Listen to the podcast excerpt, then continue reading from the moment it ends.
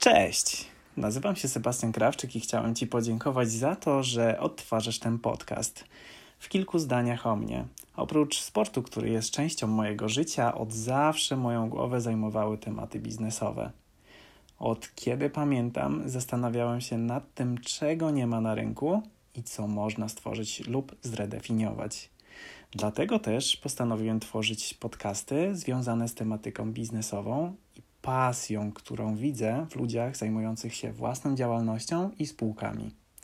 Mam nadzieję, że tematyka będzie dla Was interesująca i uda mi się przekazać Wam ciekawe treści. A kto wie, może wspólnie z moimi gośćmi zainspirujemy Cię do własnych działań. Za chwilę usłyszysz podcast, który przeprowadzam z Kingą Wojtczak, prowadzącą wraz z jej mężem Mertonem plantację kawy w Indonezji. Ich działania to m.in. eksport i import kawy, także do Polski, prowadzenie działalności o nazwie Podkawa, mieszczącej się w Łodzi, gdzie można nabyć gotową do mielenia świeżo wypaloną kawę. Te i inne informacje dotyczące działalności Kingi i Ayrtona usłyszycie już za chwilę. Zapraszam.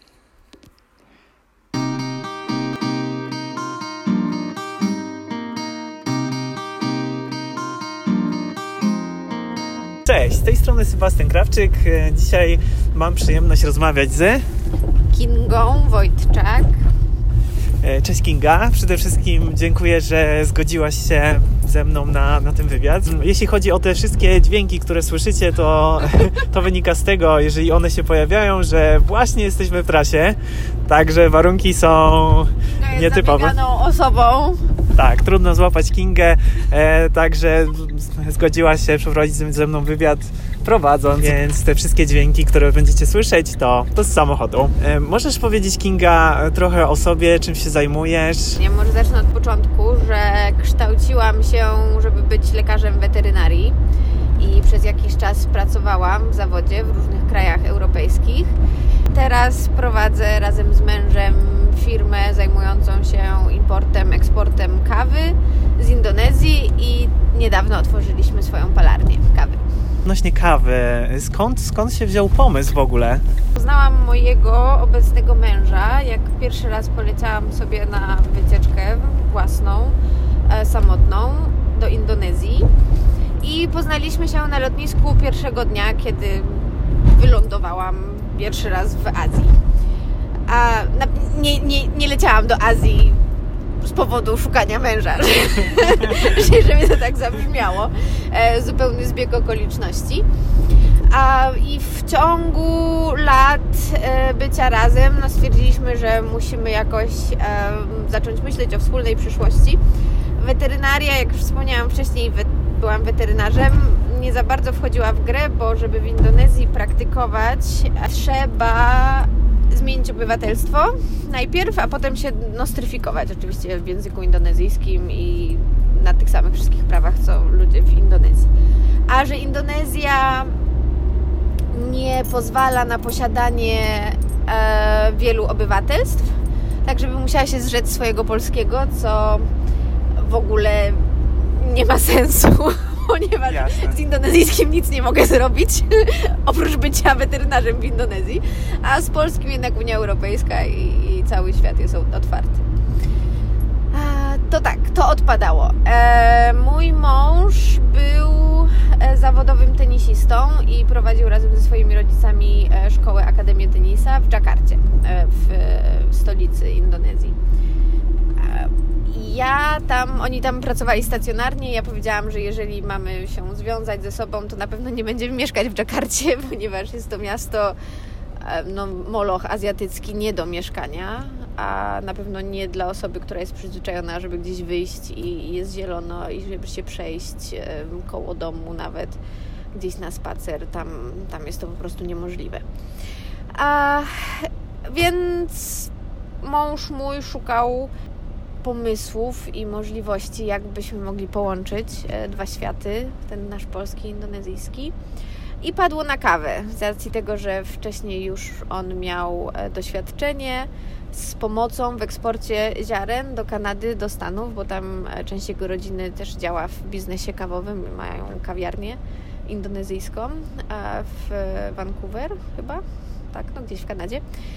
Um, więc już mieliśmy jakieś kontakty kawowe, biznesowe. Później um, do tego doszły, znaleźliśmy nowe i na początku e, chcieliśmy być e, handlarzami kawy zielonej, e, żeby sprowadzać ją do Europy, rozpowszechniać w palarniach. Konkurencja na rynku kawowym jest bardzo duża, ale znowu nie można kawowego biznesu wrzucić do jednego worka. Teraz mhm. już wiemy, że właśnie powstają rzemieślnicze palarnie kawy, że ludzie bardziej zwracają uwagę na miejsce pochodzenia, na kraj, e, co piją, że są różne smaki, że kawa to nie tylko kawa i że nie tylko, że arabika jest najlepsza tylko potrzebna jest większa doza informacji. No właśnie, e, z tego co, co powiedziałaś, e, jesteś weterynarzem, tak? Tak. Okej, okay, okej. Okay. I, e, I powiedz proszę, jak to wyglądało, bo ty byłaś gdzieś na wakacjach, tak? W Indonezji, dobrze zrozumiałem? Czy miałaś jakiś, jakąś przerwę od studiów, czy jak to było u ciebie? E, nie miałam przerwy. Mm, pracowałam w Szwajcarii, musiałam skończyć moją pracę dyplomową e, w Wiedniu i nie mogłam jej jakoś skończyć. Długo mi to zeszło, chociaż pracowałam równolegle już. Mhm. I musiałam sobie postawić deadline, w którym zmotywować siebie, żeby napisać. I tym, tą motywacją był właśnie zakup biletu do Indonezji. Po prostu chciałam też sobie wyjechać na wakacje. Dawno nie byłam nigdy sama, chciałam sobie odpocząć od wszystkiego. Kupiłam bilet e, do Indonezji lotniczy i, i do tego czasu musiałam już wszystkie załatwić sprawy e, uczelniane, ponieważ ten mój wyjazd był na miesiąc. Wyznaczyłaś sobie cel taki, że do e, momentu wylotu już, e, już chcesz się obronić. Tak, mieć już wszystko zakończone i, e, i tak się stało. Jasne, czyli świeżo po obronie wyleciałaś do Indonezji i wówczas na lotnisku, tak? Poznałaś Ertona. Tak. Okej, okay. i mm, no i właśnie teraz zajmujecie się produkcją tej kawy. Wiemy wszyscy, że y, no, jest to, y, tak jak sama wspomniałaś, trudny biznes. Mimo wszystko y, z moich obserwacji wynika, że radzicie sobie dobrze. Zaczęliśmy od handlowania zielonymi ziarnami.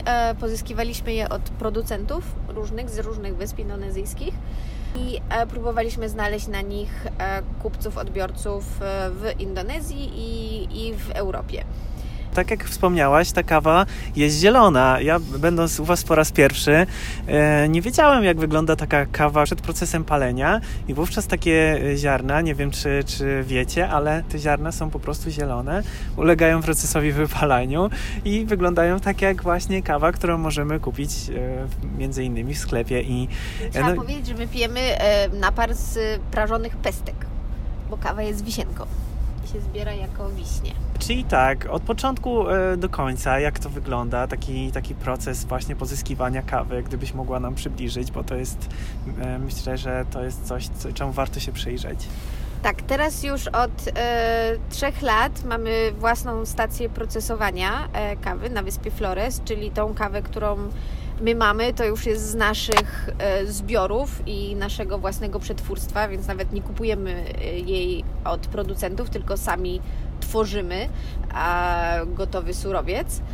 A przez co też dużo się nauczyliśmy o całym procesie przed wypaleniem, tak? Czyli od zbiorów, od, od hodowania drzewek, wszystkiego. Także kawa rośnie na wysokości od 400 metrów e, nad poziomem morza do nawet 2000 czy może nawet wyżej, ale to już bardziej jeżeli chodzi o kawę e, z Ameryki Południowej. E, z czego wynika ta wysokość właśnie e, Czemu kawa musi rosnąć na, na takiej wysokości? Od gatunku. Robusta rośnie niżej, e, może rosnąć niżej, ponieważ jest bardziej odporna na czynniki e, atmosferyczne, klimatyczne. Może rosnąć e, w wyższych temperaturach.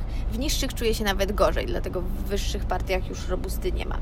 I potem im wyżej idziemy, e, tym spotykamy bardziej urozmaiconą i droższą, tak? E, arabikę. Arabika rośnie od, można znaleźć taką indyjską nawet, od, która rośnie na 600 metrach, ale wtedy ona nie ma takiego wyrazistego smaku. Już bardziej lepsze te kawy są, które rosną powyżej 1000 metrów nad poziomem morza do, do 2000 nawet wyżej. Nasze rosną od e, 900 do 1650 z naszych upraw. E, trzeba zająć się pozyskaniem tej kawy i e, to się odbywa maszynowo, czy może ktoś zbiera ręcznie? E, jak to wygląda? Nasze kawy są zbierane ręcznie, ponieważ rosną na zboczach góry jednej, a czasem nawet nad takimi urwiskami, więc nasze farmerki muszą się nieźle nagimnastykować, żeby je zebrać. I zbierane są w małych ilościach ręcznie, ponieważ one zawsze muszą zejść z tych, z tych stromych zbocz i potem znowu na górę e, wejść. Mm, maszynowo zbierane kawy są na większych plantacjach, e, takich z większym już e, dostępem i nierosnących półdziko. A tak, na przykład w Brazylii są duże, duże maszyny, jeżdżą i zbierają. Co jest jeszcze lepsze w ręcznym zbieraniu ziaren, jest to, że od razu można wyselekcjonować te dojrzałe wisienki i potem jest już łatwiej e, w późniejszej selekcji e, dobrego ziarna. Mówimy potem, potem będziemy pewnie o tym mówić, o ziarnie specialty, gdzie e, trzeba naprawdę tylko te, wybrać te dojrzałe. Jeżeli zbieramy kawę maszynowo, to ona zbiera z jednego drzewka wszystko, czyli tam wpada do worka wpadają do worka te dojrzałe i te niedojrzałe, które potem znowu maszynowo trzeba selekcjonować. Ile razy w roku odbywa się taki zbiór? Czy to jest raz w roku, czy może więcej? Też zależy od regionu i zależy od gatunku e, drzewka, który rośnie. E, są gatunki, powiem teraz o kawie indonezyjskiej, bo na niej się znam najbardziej. E, nie będę opowiadać o innych regionach.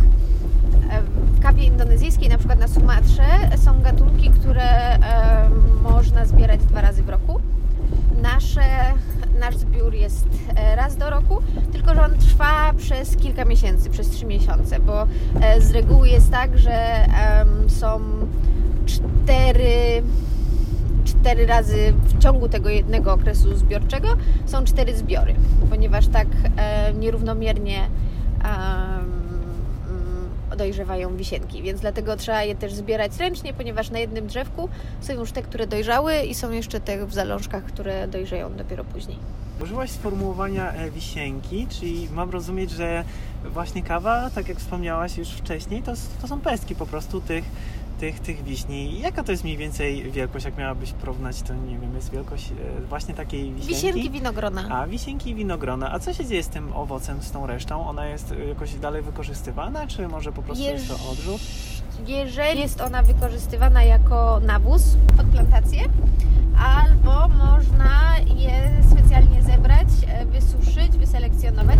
Trzeba naprawdę zwracać na to uwagę i też troszeczkę inaczej E, inaczej e, drylować i wysuszyć i wtedy powstaje kaskara, e, czyli to jest taka herbata z owoców kawy. I ona jest też możliwa do kupienia, nie w takich ilościach jak kawa oczywiście, bo nie wszyscy decydują się na obróbkę. Po wysuszeniu no, smakuje troszkę jak nasz susz wigilijny, ja to zawsze tak porównuję. Okay E, zaparza się jak herbatę e, i ona mm, ma w sobie w filiżance około 25% zawartości kofeiny w porównaniu do filiżanki kawy.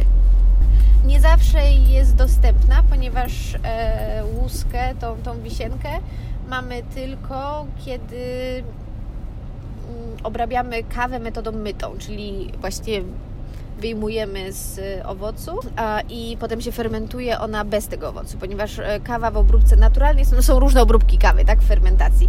To jest już naprawdę taka wyższa półka i można o tym godzinę mówić, ale e, przy obróbce naturalnej ziarenka zostają w owocu i właśnie z jego, z niego czerpią te wszystkie e, soki, cukry i, i, i, i swoje swoje smaki. Tego jak później, jak ona się suszy już w tym owocu, e, no to później nie można tej łuski wykorzystywać, e, czyli wtedy już jest łuska. E, Nie można tego owocu już dalej wykorzystywać. Jest to jako odpad. No właśnie, i jak taka kawa dociera e, do, do Polski, do podkawy? Bo mamy już gotowe, gotowe ziarna, które są zielone, tak jak No one wspomnieliśmy. muszą się sfermentować, muszą długo wyschnąć. e, To jest kolejne, tam są etapy produkcji, e, żeby dostać e, ostateczne ziarno e, zielone, które jest gotowe do eksportu.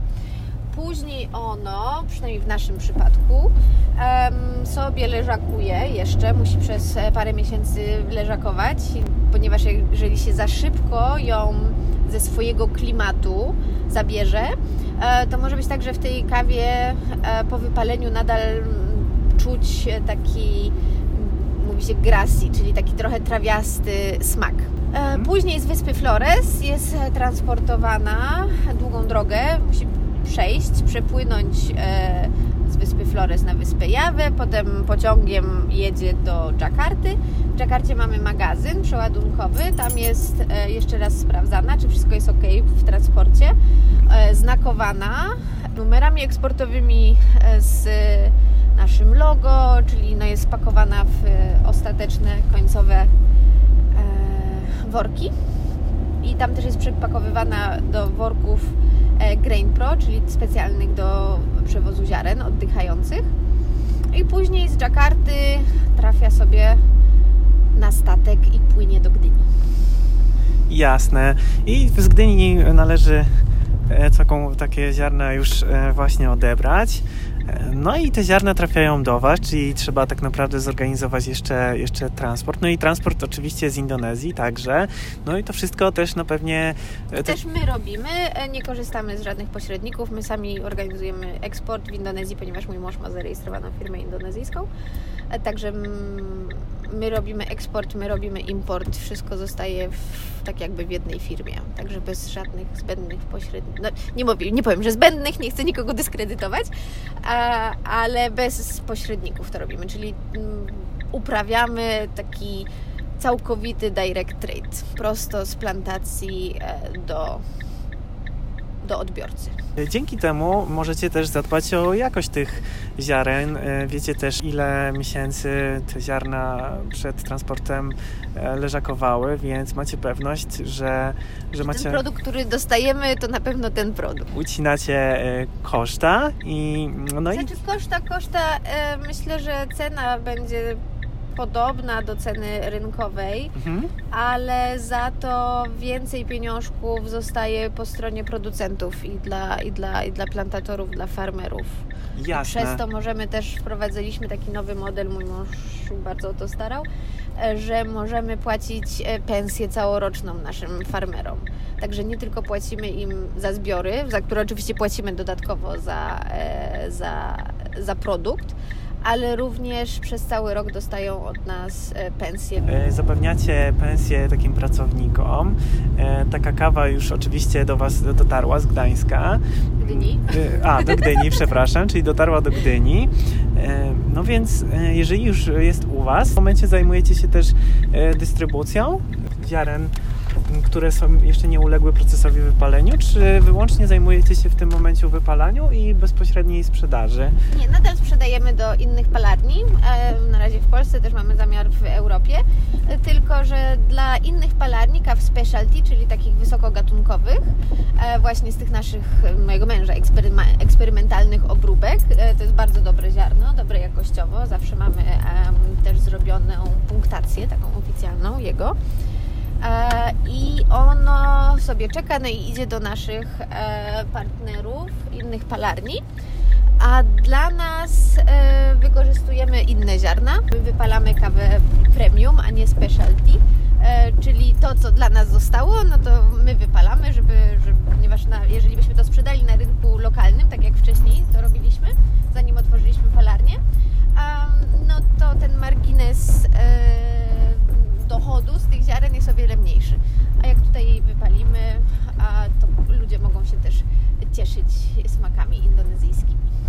Wasza siedziba znajduje się też właściwie w miejscu, gdzie, gdzie można jeździć konno i macie też fajne ciastka. Ludzie e, chętnie po nie sięgają, Tak, więc... Uzależnieni od naszych ciastek korzennych. Dokładnie, ciastka korzenne w kształcie podkowy i też mm, macie, y, macie możliwość tak naprawdę zaprosić klientów na jazdę konno, także mm, także to myślę, że jest dodatkowy plus. Plus y, jest też taki, że y, że myślę, że wiosną macie ładny widok, wszystko też kwitnie, bo jesteście ulokowani na obrzeżach Łodzi, prawda? Mhm, tak obrzeżach. Jest niedaleko park, także można sobie przyjść, pospacerować. Serwujemy kawę na wynos tylko, ale będziemy mieć stoliki przed palarnią, żeby można sobie tą kawę na wynos położyć na nim. Jasne, że tak. Trochę e, odbiegłem od tematu, ale jeśli już właśnie mamy wypaloną tą kawę, to co się dalej z nią dzieje? E, dalej, wypalona kawa, w zależności od tego, pod jaką metodę parzenia jest wypalona, bo to też zależy, czy jest jasno palona, czy pod espresso, troszeczkę ciemniej, e, czy pod specjalne zamówienie. Niektóre ludzie wolą e, jeszcze bardzo ciemno wypaloną kawę, to wtedy też możemy specjalnie dla nich wypalić ciemno. Kawa musi odgazować, czyli nie może być od razu spakowana, znaczy może, ale w oddychające pojemniki, ponieważ kawa po wypaleniu e, musi oddać e, dwutlenek węgla, czyli gazuje. I ona sobie gazuje nawet do tygodnia. Potem ma przerwę, potem znowu może zacząć. E, także dopiero na przykład do espresso kawa, kawy nie należy pić przed tygodniem, przed dziesięcioma dniami e, po wypaleniu, ponieważ te wszystkie smaki, które powinna z siebie wydobyć, e, dopiero właśnie są widoczne e, po, po małym czasie leżakowania. Kawy, które są palone i wykorzystywane pod metody alternatywne albo pod ekspres przelewowy, można pić już wcześniej. Więc już mamy kawę zapakowaną. Może, można ją też zmienić od razu, czy raczej powinniśmy poczekać? E, no na pewno nie można od razu mielić, bo e, wtedy się zgubi wszystko, e, wszystkie aromaty, znaczy po paleniu. E, no nie, nie praktykujemy tego. E, w czasie, kiedy można już ją pakować, e, można też mielić, chociaż my sprzedajemy w opakowaniach kawę ziarnistą, mielimy tylko na życzenie klienta, ponieważ zawsze lepiej jest mieć tą kawę w ziarnach i mielić tuż przed zaparzeniem. Najlepiej w ogóle e, zmielić kawę i wypić ją do 30 minut po mieleniu, bo wtedy są największe te aromaty i walory smakowe. Im dłużej kawa leżakuje będąc zmielona, no to tym szybciej wietrzeje. Przepowiedzieliśmy sobie o całym procesie, a jak to wygląda z punktu widzenia e, biznesu właśnie, bo e, kiedy założyliście taką działalność w Polsce? W Polsce istniejemy od 2018 roku. Wtedy, znaczy wcześniej już sprowadziłam kawę mniejszej ilości, ale e, wykorzystując inną firmę, żeby zobaczyć, rozeznać rynek, e, zobaczyć z, z, czym to się je, tak? E, I wtedy też Jasne. mała ilość przyszła e, i później e, zdecydowaliśmy się na otwarcie e, działalności i no już robienie wszystkiego musiałam e, występować o zgodę na warunki zabudowy, potem na e, zmianę użytkowania lokalu, ponieważ był tylko gospodarczy, na produkcyjny, produkcyjno-usługowy. Także te wszystkie zgody na początku trzeba mieć, więc najlepiej zapytać się, które zgody są potrzebne. Mm, no i zobaczyć, czy lokal, który mamy na oku, bądź który budujemy, my akurat e, wszystko wzięliśmy od podstaw. Wiem, że myślałam, że potrzebna jest mi tylko jedna zgoda, tak, na, na zmianę sposobu użytkowania, czyli potrzebuję warunków zabudowy. Potem się okazało, że do warunków zabudowy potrzebuję jeszcze kolejne trzy papiery, a żeby dostać tamte trzy papiery potrzebuję jeszcze kolejnych, więc to tak wydłużało tak. się w czasie i nie zawsze urzędnicy, których nawet pytałam o to, co potrzebuję, no w trakcie tego samego procesu oni sami nie wiedzieli co będę potrzebowała. Także to trwa dosyć długo parę miesięcy. My jeszcze mieliśmy to szczęście, że podczas e, pandemii wszystko załatwialiśmy, także urzędowy czas załatwiania sprawy był wydłużony o 90 dni, czy tam o 30 dni. Mhm. Nieważne, w każdym razie wszystko było długo. Jasno, rozumiem. No i y, przede wszystkim gratulacje tego, że, że już funkcjonujecie. To jest e, coś, coś niesamowitego. Miałem okazję przyglądać się procesowi wypalania. Miałem okazję też próbować Waszą kawę i bardzo mi smakuje. Uważam, że, że jest to naprawdę pyszna kawa. Właśnie dojechaliśmy na miejsce. nie każdy zdaje sobie sprawę, że, że jest w tym sporo, sporo pracy około tego biznesu, prawda? Czyli wszystkie zgody, sanepid, e, no i też musimy otworzyć działalność, musimy też wyposażyć lokal, prawda? Właśnie w takie urządzenie, które wypala kawę. Więc, e, więc trzeba pewnie, e, znaczy na pewno też zrobić biznesplan, no ale wam, e, wy to wszystko zrobiliście, więc pozostaje... Znaczy z biznesplanem było tak... Opowiedz. ciągle mówiłam i chciałam zrobić biznesplan, żeby oszacować tak te korzyści i, i, i straty i zagrożenia. Do końca nie chciałam, ponieważ wiem, że to nie jest dobry sposób, ale troszeczkę bałam się tego, że, że, że te zagrożenia i i nierentowność biznesu przeważy nad tym, że będzie rentowny, więc stwierdziliśmy, że, że, że ryzykujemy i idziemy za głosem e, serca trochę. E, dlatego no, otworzyliśmy to po trudach i snojach. E, praktycznie wszystko, znaczy no nie wszystko, ale większość rzeczy sami robiliśmy, dlatego też to dłużej trwało, ale mm, na pewno mogę powiedzieć, że dało o wiele większą satysfakcję i sam remont, i to, że załatwialiśmy wszystkie właśnie zgody. Też później potrzebowałam ekspertyzę e, eksperta do e, spraw.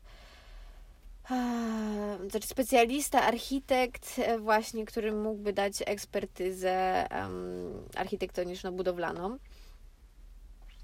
to wszystko do tych warunków zabudowy i zmiany sposobu użytkowania lokalu. A właśnie jak już poszłam, to nie ponieważ dopiero na końcu się dowiedziałam, że potrzebuję takiej jeszcze ekspertyzy.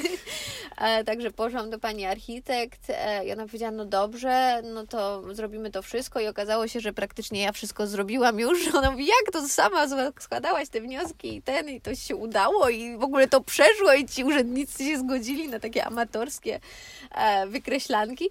No ja mówię, no tak, no udawało się do tej pory, tylko teraz potrzebuję tej pieczątki. E, także praktycznie no to zostało na końcu i, i, i się udało.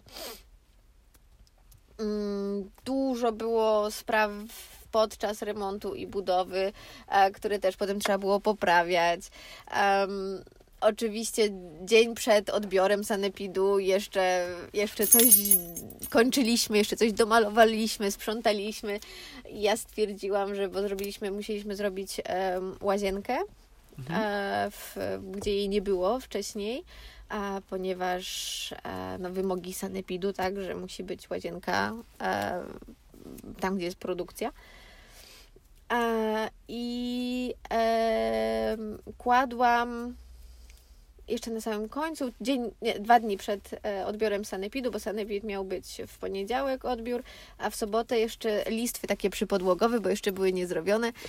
I tak się cieszyłam i w ogóle, że to już jest, że jest końcówka i tak wierciłam w ściany i zapomniałam, że tam położyliśmy rury kanalizacyjne. O, nie. I tak dotykam, dotykam. E, za chwilę. I tak dotykam, to dotykam i kurczę, coś chyba tutaj się zaczęło, nie wiem, czy podmokła ściana, czy coś i odwieciłam tą śrubkę. Jak mi trysnęłem. Jezus! O nie. Jeszcze nie będzie tam działać woda i wszystko. Na szczęście mieliśmy takiego pana Kamila, który e, też nam pomagał e, w remoncie, więc z niego zadzwoniłam właśnie w sobotę i mówię, panie Kamilu, katastrofa, musi pan przyjechać i nam to zrobić. Także jeszcze dzień przed odbiorem sanepidu normalnie musieliśmy całą ścianę plastrować, wymieniać rury. Także takie rzeczy się zdarzają i trzeba się z tym liczyć. Jasne, w biznesie nie można przewidzieć wszystkiego, tak jak w życiu, więc oczywiście warto się zabezpieczyć przed takimi sytuacjami i przygotować na niespodziewane e, sytuacje właśnie, ale uporaliście się ze wszystkim, funkcjonujecie, wypalacie świetną kawę, moim zdaniem jest wybitna i e, polecam ją bardzo. E, gdzie można zamówić taką kawę?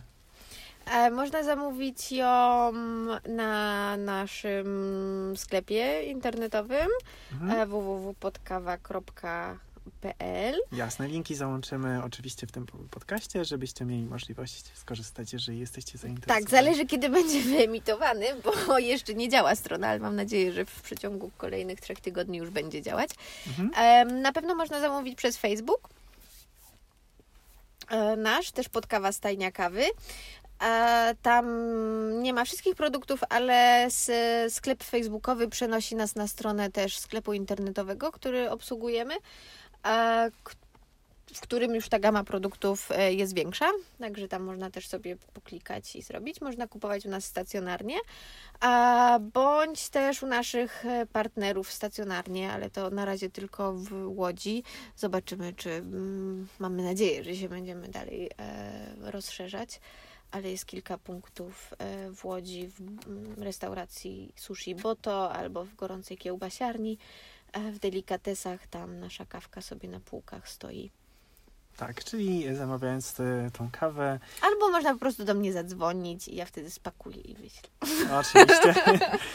E, oczywiście, jeśli się zgodzisz, też podamy namiar dla osób, które są zainteresowane. Które nie są internetowe za bardzo. Tak, które nie są internetowe, a słuchają nas i chciałyby skorzystać i mogą, mogą też oczywiście e, zadzwonić, także bez, bez kłopotu. Więc e, jeśli chodzi o rodzaje kawy, to sprzedajcie jeden rodzaj, czy może więcej? Co, co zobaczymy na takiej stronie na Facebooku, która jak się nazywa? Przypomnij. Podkawa stajnia kawy. No właśnie, jakie mamy rodzaje kawy? Mamy, w, e, na chwilę obecną mamy pięć e, rodzajów, e, z czego cztery to są arabiki i jeden to jest miks e, arabiki z robustą. Mamy, bazujemy na kawach, co wcześniej wspomnieliśmy, z naszych własnych, e, z naszej stacji obróbki kawy. Wcześniej nie powiedziałam, to się nazywa Jaramite. E, tak się nazywa nasza stacja obróbki kawy na wyspie Flores. Um, I i, i e, mamy też w ofercie e, kawę brazylijską, arabikę Cerrado. I nasz house blend e, to jest miks mm, arabik z Indonezji i, i, i tej z Brazylii. Jeżeli chodzi o e, blend robusty z arabiką, to też są stuprocentowo kawy indonezyjskie, arabika z naszych e, upraw, a robusta pochodzi z Bali. Jasne. Taka prawdziwa kopi Bali. A na koniec powiedz, jaka jest Twoja ulubiona kawa? Chodzi o kawę czy o metodę zaparzania? Chodzi o, o kawę. Moja ulubiona to jest e, Arabica Flores Bejposo, ta stricte nasza z naszych upraw, ale w obróbce winnej, czyli anaerob. I to jest ta, którą sprzedajemy do innych palarni. Jasne. Czyli nie mamy jej u siebie w ofercie, ale można ją kupić u innych palarni, a e, też wypalamy dla siebie trochę, żeby mieć e, żeby się z niej cieszyć. Jasne. A jeśli chodzi o metodę, właśnie, bo. E... No właśnie, to jest. A metoda zaparzania? Metoda zaparzania. E, moim ulubionym jest Aeropress, e, chociaż teraz coraz bardziej się zaczynam do V60 e, przekonywać. A jeżeli chodzi o taką dzienną kawę, no to zawsze codziennie muszę wypić cappuccino. Może zostanę teraz zlinczowana, że kawa z mlekiem, ale tak, kawa z mlekiem jest dobra i dobre cappuccino musi być, żeby Jasne. dobry dzień się udał. Jasne, że tak. Bardzo Ci dziękuję, że zgodziłaś się ze mną przeprowadzić ten podcast. Mam nadzieję, że Wam się podobało, tak jak, tak jak mi. Jestem bardzo dużym fanem e, podkawy i będę do Was zaglądać i bardzo Was polecam. Dziękujemy bardzo. Bardzo dziękuję. Do usłyszenia. Cześć. Hej.